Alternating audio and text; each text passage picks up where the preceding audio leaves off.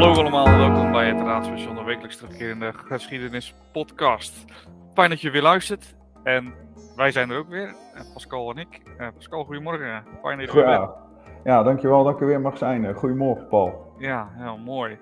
Allebei uh, hard aan het werk en toch uh, kunnen we toch een momentje vinden. Vind ik toch altijd fijn om even iets leuks te doen met elkaar. Even een podcast opnemen, even ontspanning erin. Hebben we wel verdiend, denk ik. Zeker, zeker. Zeker. Moet je zelf ook wel eens wat gunnen natuurlijk. Dus, uh... nee, maar uh, hartstikke goed. Uh, Pasen, heb je nog wat gedaan met Pasen? Het is Pasen geweest. Ja, ja, ik heb zeker wel gedaan met Pasen. mijn zwager en schoonzus zijn, waren 12,5 jaar getrouwd op eerste paasdag. Kijk. En ik moet zeggen, qua weer en qua dag hadden ze het ook niet beter kunnen treffen, zeg. Dus we hadden een heel mooi tuinfeest met alles erop en aan. Dus dat was echt, uh, ja, was top. Maar dat was niet in het kader van, uh, van Pasen. Nee, precies. Nee, nou ja, maakt niet uit toch, dat is ook leuk. Maar dat is wel, is er bewust, ja, top. waarom trouw je op eerste paasdag, zeg maar? Ik zat er dan bewust nou, Nee, dat doe je niet, want het is 12,5 jaar. Dus zij zijn, oh, 12,5 jaar. Uh, zij zijn in oktober zijn ze getrouwd. Heel scherp, heel scherp. Ja, blij dat jij scherp bent. Ja, en dan nog, dan is het nog een keer zo dat uh, je kan wel op, Pasen, op eerste paasdag trouwen. Ik, ik weet niet of dat kan, volgens mij kan het wel als je maar betaalt. Maar ja, Pasen wisselt natuurlijk altijd met de maanstand. Ja. Het nieuwe jaar. Dus ja, het kan wel, maar ja, dan heb je weer één keer in de zoveel tijd uh, ja, precies. op de eerste paasdag. Maar het was 12,5, dus ze zijn in oktober getrouwd. Ja, dat is een goede, goede uitleg, ja. Ja, um, weet het, um, ik ben zelf in, uh, uh, op die day getrouwd, 6 juni. Dus, uh... Dat was ook echt dan die day of voor jou? ja, precies. Decision day. Ja, precies. Decision day. ik stond Doomsday. Hè? Ik, ik stond daar en ik moest een besl beslissing nemen. Ga ik het wel doen? Ga ik aan land of ga ik niet? Blijf op zee? Nee, dat was, uh, was geen moeilijke keuze. Dus, uh, maar het is wel slim, vind ik zelf. Want uh, nu elk jaar als het die day nadert, denk ik... Oh, wacht even, ik ben getrouwd op die dag. Dus kan ik mijn trouwdag ook niet vergeten. huh? Nou, slim. Slim, ja, toch? slim. Ja, nee, heel slim. Maar wanneer is voor jou dan 12,5? Tjoh, nou, moet ik gaan rekenen. wanneer ben ik überhaupt getrouwd? Op welke welk jaar? 2014 ben ik getrouwd. Dus uh, uh, 2014 getrouwd, 2014, 2010, 2026, 2026. Ja, dat wordt dan 6 december 2026. Er komen wel ook uh, allemaal zes in voor. Ja, oh jee. In de twaalfde maand. Oh, oh. Dus ook, hè, 2 keer 6. Ja, ja, ja. Goh, ja. En dan op 6 december, dus dat is dan. Is daar ook nog iets? Ik weet het niet. Ja, en Sinterklaas is dan net weg. de dag van Sinterklaas. Heb jij 12,5 jaar gebruiloft? Uh, uh, nou ja, leuk. Toch? Kom je ook? Ja, ik zet hem alvast in mijn agenda. Mooi, mooi.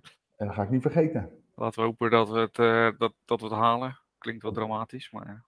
Nee, nou ja, het is niet iedereen gegeven dat ze het, dat ze het halen. Nee, daarom. Dus het is op zich wel een prestatie om dat wat is het, koperen huwelijk uh, dan te vieren. Maar goed, ja. ja. ik denk niet dat het met een tent uh, in de zon uh, gaat worden. Nee, december wordt lastig. Zo inschatten.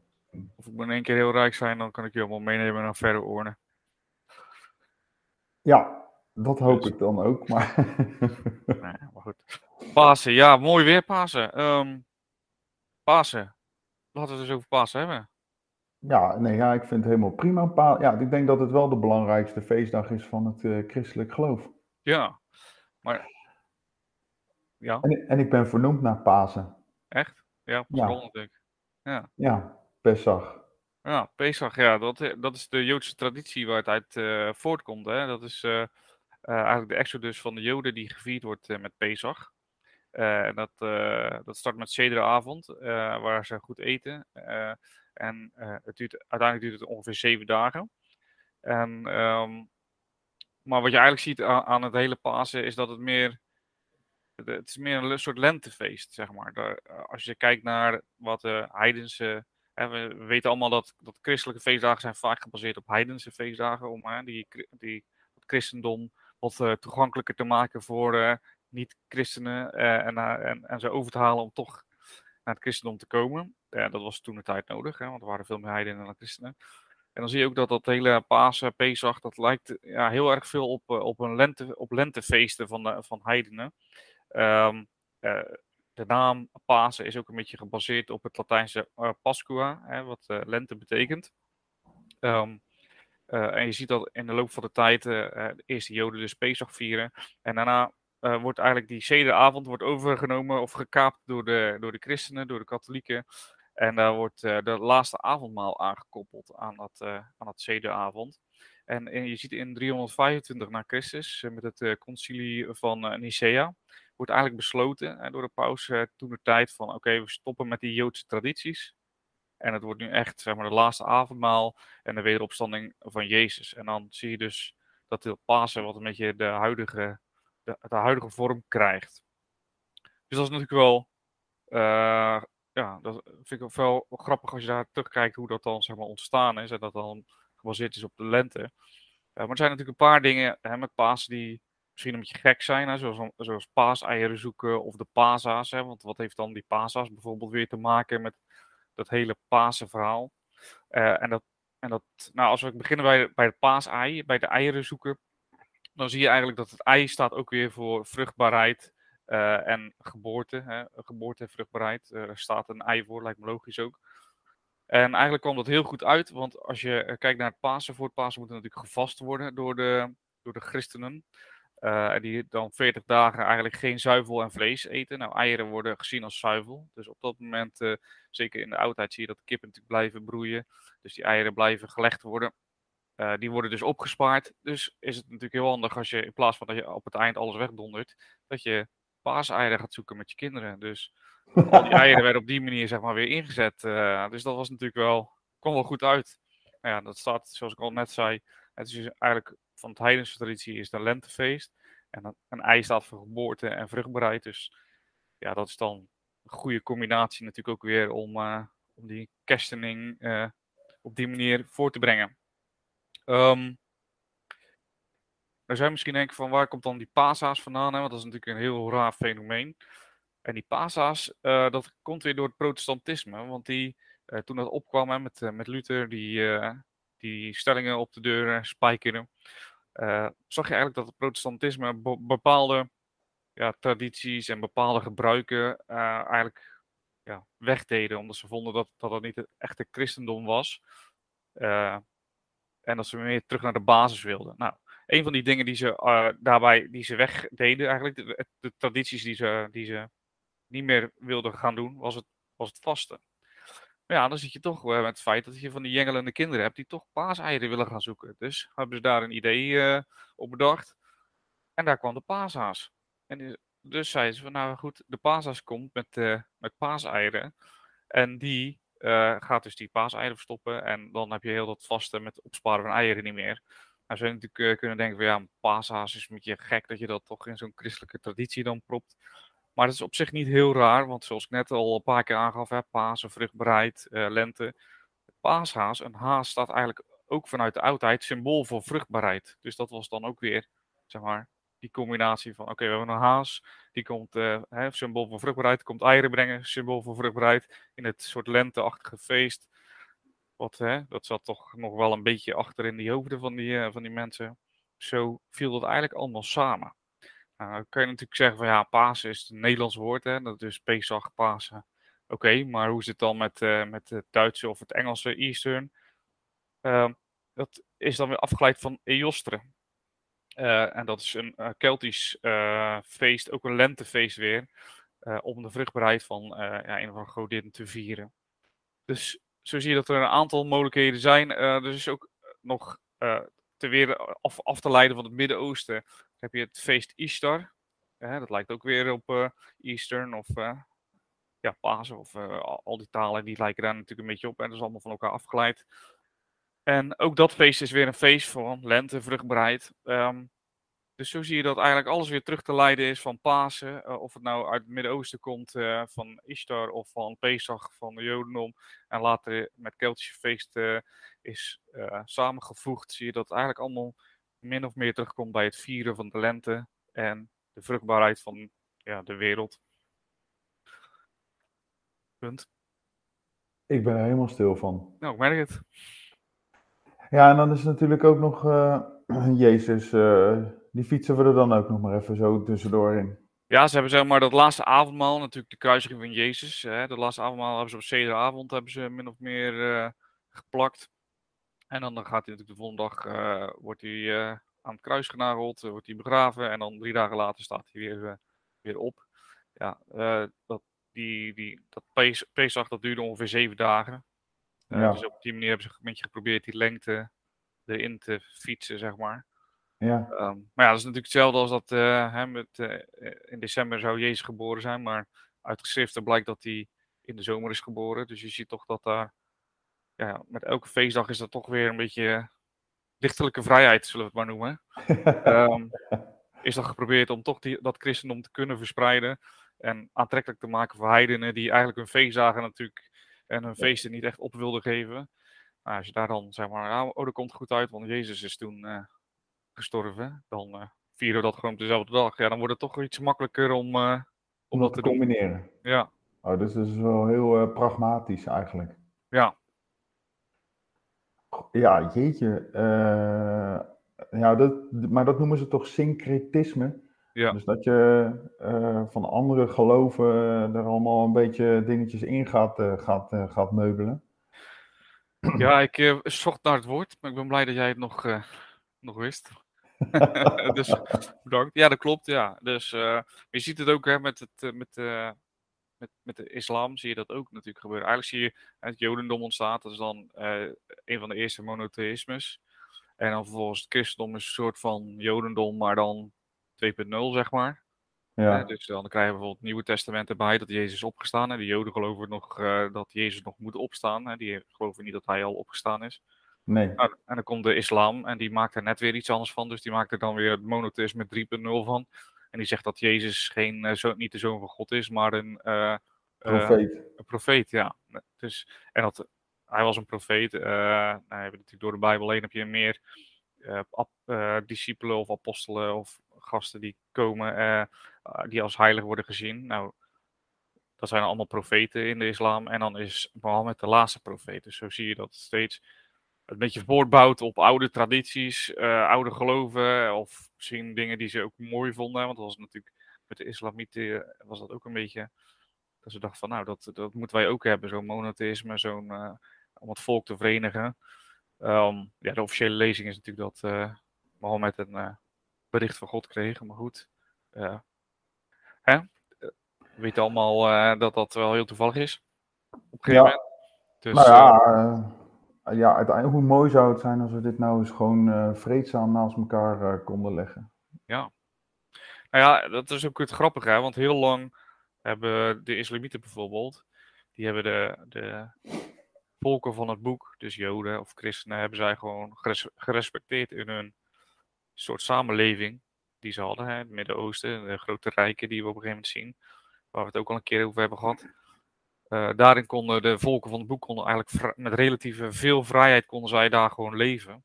Ja. Uh, hè, ze mochten dan geen bestuurlijke functies hebben, maar ze hoefden niet zoveel belasting te betalen. Ze, ze mochten gewoon vrij hun geloof uitoefenen. Uh, met ja, de keerzijde natuurlijk dat ze niet een islamiet mochten bekeren, maar voor de rest was het allemaal oké, okay, was het allemaal geoorloofd. Ja. Dus in dat opzicht uh, waren zij iets ruimdenkender als bijvoorbeeld de christenen uit Europa. Ja, ja, ja, precies. Die met hun Reconquista toch Zo. De, de, islamitische wereld wilden terug veroveren en herkerstenen. Ja, dat, uh, dat hebben ze ook natuurlijk wel met de vrij harde hand hebben ze dat uh, geprobeerd uh, te bewerkstelligen. Ja, precies. En zeg maar in Spanje is dat natuurlijk wel, wel gelukt aan die kant, dus Spanje en Portugal. Maar natuurlijk in het Midden-Oosten hebben we de, voor mij waren de eerste kruistochten waren nog redelijk succesvol, maar daarna eigenlijk niet. Nee. Wat wel grappig is dan, als we dan het daar toch over hebben over kruistochten, is dat de islamieten zeg maar tot vrij recentelijk uh, in de geschiedenis heel die kruistochten helemaal niet zo interessant vonden. Dat was zeg maar, een soort voetnoot in de geschiedenis. En pas vrij recentelijk uh, hebben ze dat gebruikt als een soort van excuus. Ja, ik weet niet of excuus het goede woord is, maar in ieder geval als reden om een soort van. Om het terug te doen. Ja, precies. dus ja, dat is natuurlijk wel interessant. Nou, ik voel weer een onderwerpje aankomen. Ja, Nou, dat is zeker een interessant onderwerp. Want het, is, eh, het, het, het, het, het blijft gewoon continu door de hele geschiedenis blijft dat gewoon een, eh, een onderwerp tussen Europa en eh, nou ja, eh, het Midden-Oosten ehm, en eh, de, de Levant. Het blijft gewoon continu, we zitten op een kruispunt van, van die verschillen. En die verschillen maken het aan de ene kant ook wel heel erg interessant. eh, maar zijn natuurlijk ook wel aanleidingen tot, tot geweld, onderdrukking en dat soort dingen allemaal. Ja, terwijl we het nu net over Pasen hebben, en dan denk je, ja, het komt eigenlijk allemaal vanuit één, ja, als je het helemaal terug eh, dan komt het eigenlijk helemaal terug op één, op één, één gedachte. Nou ja, het vieren van vruchtbaarheid, het vieren van eh, een nieuw begin. ehm, ja, dat, eh, ja, dan ga je dan mee aan de haal en dan denk je er zelf iets van te maken. Wat kan en wat mag, maar uiteindelijk levert dat dan ook zo'n verschrikkelijke scheiding op dat je dan ja, een soort van polarisatie krijgt. Hè? Ik denk dit, jij denkt dat. Komt uit dezelfde gedachte, komt het voort. Maar je doet het net even iets anders. Ja. dat mag niet. Ja, ja ik, vind dat, eh, ik vind dat best wel interessant. ja dat, is, ja, dat is ook zeer interessant natuurlijk. Maar goed, eh, nou ja, Pasen dus, hè. Eh, ja, Jezus. ehm, nou, niet als in Jezus, Jezus, maar als in de... Het was toch wel een beetje een, een, een, een held, mag ik dat zo zeggen? Omschrijven? Ja, dat mag, ja. Ja, want ik heb een vraag... geschriften natuurlijk wel. Ja, voel jij je een held? Voel ik mij een held? Ja? Eh, ze zeggen wel eens, eh, je, op je werk probeer je altijd wel te boosten en zeggen, je bent een onderwijsheld, maar ik, voel me, nee, ik, voel me niet, ik voel me niet per se een held. Ja, zeggen ze dat? Je bent een onderwijsheld? Ja, natuurlijk, ja. Als je van de... Ik krijg, nou, dat moet ik wel eerlijk zeggen, onze directie is wel daar best wel goed in. Om gewoon regelmatig even, weet je, een eh, chocoladeletter of een chocoladepaasei hè, met Pasen te sturen. En dan eh, weer even een goed briefje erbij van, eh ah, wat tof dat je eh, zo je best doet. eh, en, en dat soort zaken, dat soort kleine attentietjes, daar zijn we best goed in. En eh, ja, natuurlijk wordt daar ook wel eens onderwijsheld in, eh, in benoemd. Ja. Eh, maar nee, ik voel me geen held. Voel jij je held? Eh, mm, soms. Ja? Ja, nee. Ik voel me ook geen held. Helemaal niet, eigenlijk. Maar het is wel grappig dat anderen vinden je dan wel een held. Dan zo, oh, held, want je doet dit of je doet dat. Maar je vindt het zelf namelijk helemaal eh, niet. En ik vind het zo interessant om dat eens te onderzoeken. Ik ben nu een beetje aan het onderzoeken hoe dat, als, hoe dat dus komt. Dat we dat woord held gebruiken eh, voor anderen.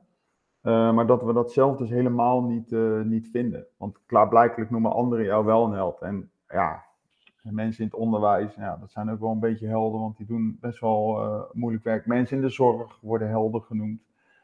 En toen dacht ik van ja, we vinden onszelf helemaal geen held. Ehm, en waarom is dat eigenlijk? En waarom vinden we dus anderen of figuren, vinden we dus wel een held? En dat, dat, ik vind dat echt heel erg interessant. Want als je dus ook nu kijkt naar het, het verhaal van Jezus, dan denk ik, ja, dat is toch ook een hartstikke succesvol verhaal natuurlijk. Hè? En hij heeft zichzelf opgeofferd voor een groter eh, goed. Hij heeft, zich, hij heeft zijn leven gegeven voor ons, hè, wordt er gezegd.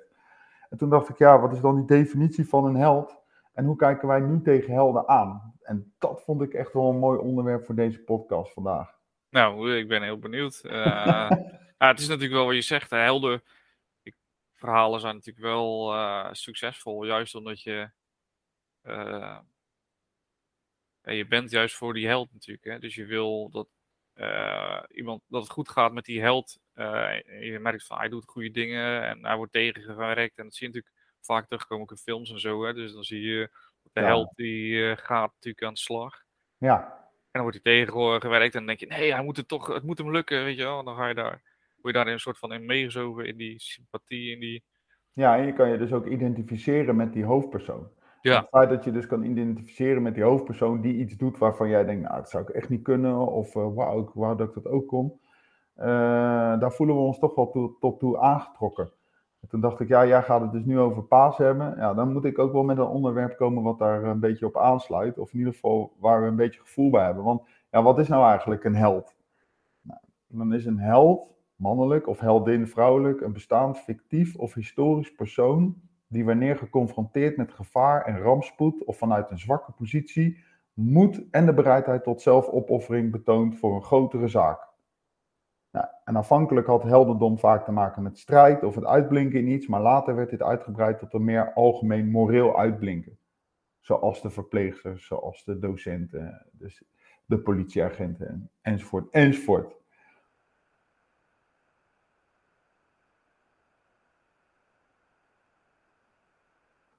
In een ondergeschikte situatie, want uiteindelijk wordt hij ook door de Romeinen gepakt. Nou ja, we kennen het hele verhaal.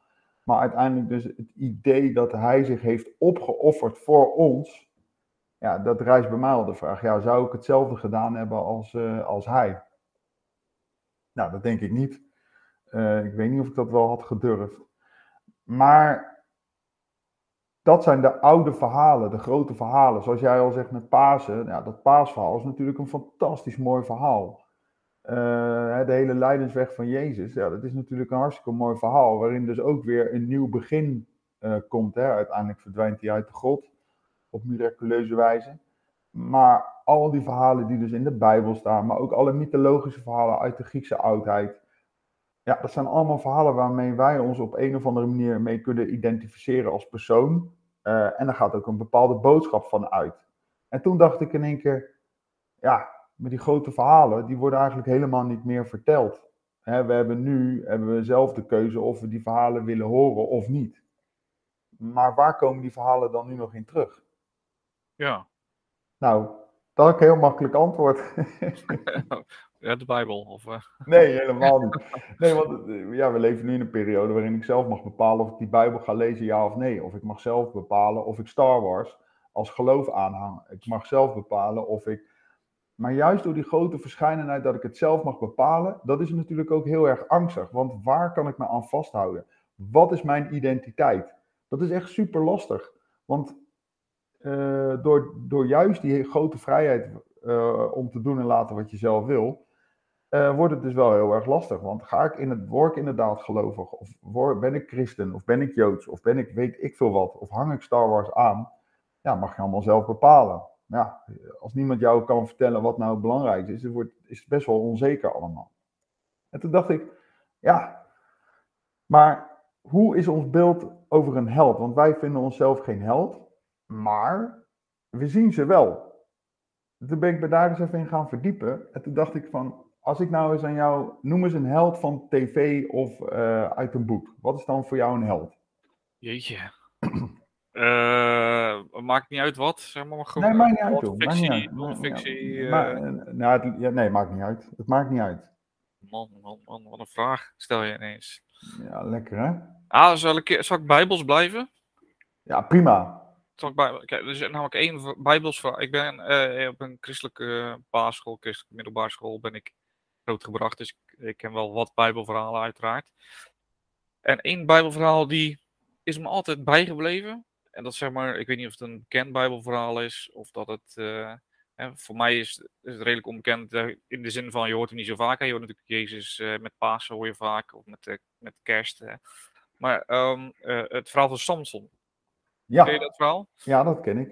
Ja, dus die heeft dan zo'n haar lang laten groeien en dan daarin zit zijn kracht. Hè. Hij is dan, ik weet niet precies de details van het verhaal meer, maar hij heeft lang haar. God heeft gezegd tegen hem: Zolang jij lang haar hebt, dan ben jij uh, min of meer onoverwin onoverwinnelijk. Ja. En ja, punt, zeg maar. En dan wordt hij verliefd. En zijn vrouw, die. die ja, voor mij, ik, ik weet, zoals ik al zei, ik weet niet de precieze details meer. Maar voor mij is zijn vrouw niet helemaal zuiver op de graad. En die zegt van: Je moet je haar afscheren of afknippen. doe dat voor mij. En hij is helemaal verliefd en hij doet dat voor haar hè, als een soort van ultieme uh, offer van dit is mijn liefde voor jou, doe ik dat. En dan wordt hij vervolgens gevangen genomen. Uh, ja, en dan baalt hij natuurlijk als een stekker, want hij heeft geen lang haar meer. Hij is niet meer zo, nee. niet meer zo sterk. en dan ja, als ik het goed kan herinneren, ik misschien ken jij het verhaal beter, dat weet ik niet, maar als ik het goed kan herinneren, bidt hij dan tot God en dan krijgt hij van God alsnog een soort van, oké, weet je, dus, eh, je hebt een fout gemaakt, maar ik geef toch weer de kracht om er te ontsnappen. En dan doet hij dat en volgens mij herhaalt hij dat nog een keer, zeg maar. Dan wordt hij opnieuw verliefd op een vrouw, gaat hij weer zijn haar afknippen Ja, en is hij dan wel de Sjaak, zoiets volgens mij. ja. Dus dat, eh, dat is me altijd wel bijgebleven. Om nou te zeggen of hij echt een held is, maar hij is wel een soort van waar ik me mee zou kunnen identificeren. Dat je soms dingen doet voor liefde, eh, die niet, eh, wat niet altijd handig is. ja, nou, dat is toch hartstikke mooi. Dus er zit ook wel een bepaalde boodschap in. Er zit natuurlijk ook, eh het is nog denk ik uit het Oude Testament. Ja. Hè, met een, ja, wat, ook wat, wat oh, jij doet dit. En dan straft God jou ook meteen natuurlijk, hè, omdat je dat dus doet. Ja. Maar volgens mij gaat hij dan ook met een Filistijns eh, eh, meisje. En dat is dan misschien ook wel niet helemaal de bedoeling. Ja, het meisje verleidt hem dan. Dus daar zit natuurlijk ook weer een beetje hè, de verleiding van de vrouw aan de man. En dat de man eigenlijk zwak is. Ehm, Zo had ik hem eerlijk gezegd niet opgevat, zeg maar, toen, want ik was vrij jong toen ik eh, dat verhaal hoorde. Dus zo, dat had ik er niet echt uitgehaald. Eh, nee, Dus, Maar- dus, maar ik snap wel, nu, ik vertelde nu het verhaal, toen dacht ik ook van, ja, eigenlijk is het heel erg vrouwonvriendelijk. eh, in de zin dat de vrouw weer de schuld krijgt, net zoals Adam en Eva natuurlijk. Dus eh, misschien is het helemaal niet zo'n mooi verhaal. nee, ja. ehm, ja, we- maar dat is wel het mooie, is dus dat je de, jouw betekenis ook uit kan halen. En daar schuilt natuurlijk ook gelijk weer een heel groot eh, verhaal, gevaar. Maar ja, dit, dit zijn wel de verhalen die er verteld worden. Ja, en jij kan daar dus een bepaalde interpretatie van, van, van maken. Ja, dat is aan de ene kant heel erg mooi. Aan de andere kant kan er natuurlijk ook gevaar in, in schuilen. Door, door inderdaad ja, als ik nu zeg, ja, dat is dan heel vrouwenvriendelijk, hè, dat je dan niet mag, eh, ja, die vrouwen die verleiden je alleen maar en daardoor word je als man alleen maar zwakker. Zie je, het is wel grappig hoe je dus eh, uit zo'n verhaal al een verschillende interpretatie kan, eh, kan halen. Maar ja, het blijft natuurlijk een heel mooi verhaal, maar ja, ik denk dat weinig mensen dat verhaal nog, nog inderdaad kennen, omdat we het dus, ja, ehm, die verhalen worden dus niet meer verteld. Ja, die worden wel verteld, maar ja, die worden dus nog steeds in de kerk verteld. Nou ja, goed, we weten ook hoeveel mensen er nu nog naar de kerk toe gaan. Ja, dat is niet veel. Dus we moeten het ergens anders inzoeken. En al die verhalen en die boodschappen, die zitten dus nog steeds verpakt in films en in series. En dat is wel grappig, want als we een beetje naar deze tijd kijken, waren vroeger in de jaren 50 en de jaren 60 waren helden, waren eh, Superman bijvoorbeeld, die comicboekjes die werden uit, eh, uitgebracht. En het grappige van Superman is, is dat, eh, nou die was onoverwinnelijk. We kennen het verhaal van Superman. En het mooie daarvan is, dat werd op een gegeven moment niet meer interessant. Superman was niet meer interessant, want hij was onoverwinnelijk. Dus ja, je kon het boekje openslaan en dan wist je toch al wat er gebeurde. Superman zou overwinnen. En het grappige daarvan is, is dat is dus de reden waarom ze Kryptonite hebben uitgevonden. Nou goed. Wat ik ermee wil zeggen is, is dat we in de jaren 60, 50, 60 keken we dus op die manier naar helden. Helden waren eh, eh, onoverwinnelijk, eh, waren mooie mensen, waren succesvolle mensen, waren krachtig. Nou, noem het allemaal op. Alles wat wij als normale, normale mensen niet konden zijn. En zo werden die films ook gemaakt. Nou, dan moet je maar kijken, Bridge Too Far, en, eh, hoe heet het, The Longest Day. Dat is een hele, hele rare eh, manier van laten zien hoe de overwinnaar eruit ziet, of de helden eruit zien en de, en, en de slechterikken. En dat is op een gegeven moment veranderd. En ik heb dus nu onderzoek daarnaar gedaan, wanneer dat nou een beetje is veranderd. En dat is met een hele aparte film, is, dat dus, eh, is er een nieuw soort held opgestaan. En nu is de vraag, wie is dat? Ja. Uit wel- Ja. welke film? Eh, ja, ik, wat mij naar, naar voren eh, eh, schiet, is, ik ben natuurlijk eh, wel fan van superhelden en dat soort zaken. Wat mij nu in mijn hoofd schiet, is, en het zal niet het goede antwoord zijn, denk ik, maar er is een interview met Stan Lee, de, de, de, de, eigenlijk de, de bedenker van alle Marvel superhelden. Ja, En die heeft op een gegeven moment, eh, eh, had hij Spider-Man getekend, Peter Parker. En die ging daarmee naar de uitgever en die lachte hem allemaal uit. Ja, dat gaat toch niemand leuk vinden. Weet je, wie gaat nou interessant? Een jongetje, weet je, een tiener eh, interessant vinden. Ehm, Eh, en hij heeft het toch doorgezet en dat is natuurlijk super aangeslagen. En ik denk juist wat jij nu ook schetst, hè, dat dat beeld dan verandert in dat superhelden eerst dan onverslaanbaar zijn. En dat bijvoorbeeld zo'n Spider-Man eigenlijk gewoon maar een jongetje is die ook maar probeert te doen, het goede te doen.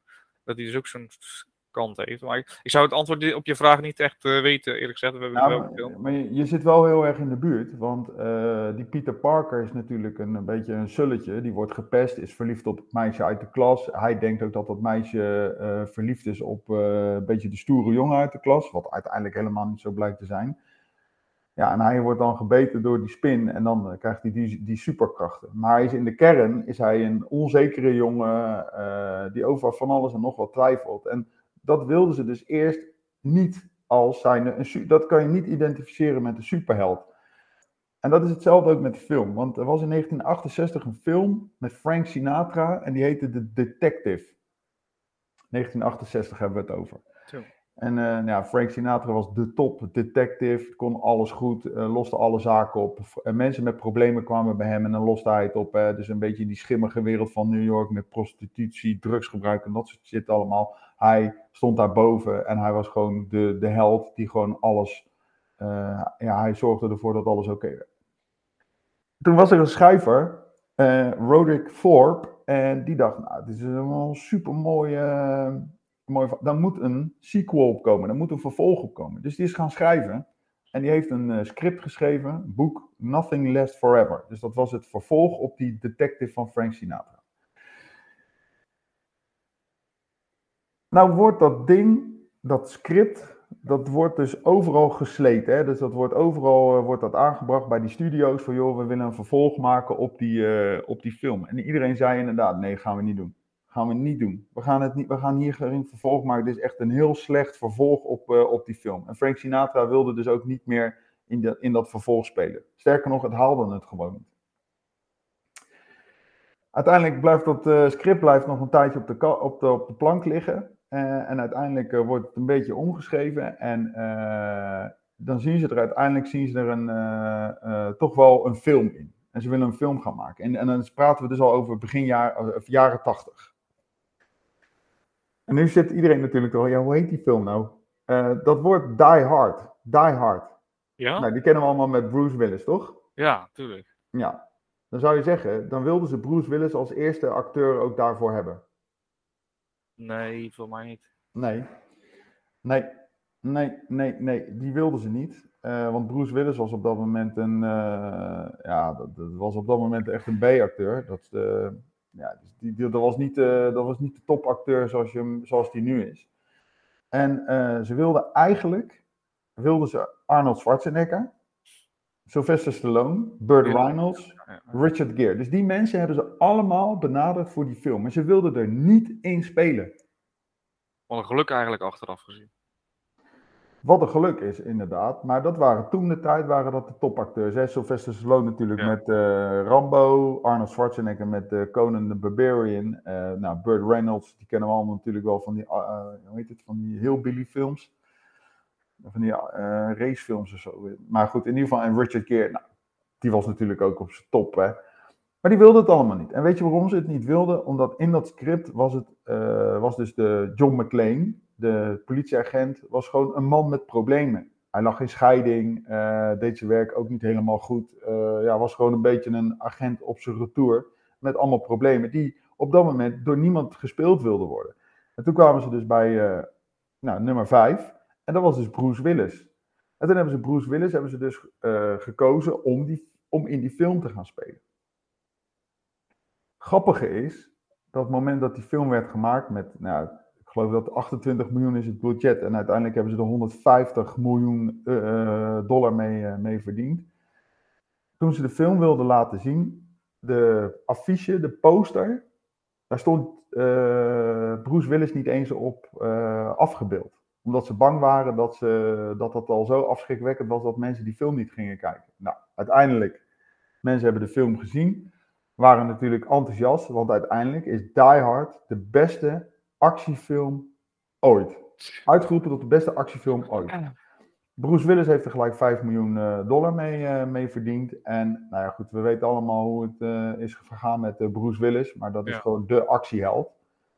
Ehm, maar wat ik ermee wil zeggen is, is dat Die Hard eigenlijk eh, een nieuwe vorm van ja, hoe wij dus helden zien. Het zijn dus mensen met problemen. Het zijn eigenlijk alledaagse mensen die in een positie worden gebracht uh, waarin ze dus ja, ja, een soort van vorm van zelfopoffering uh, laten zien.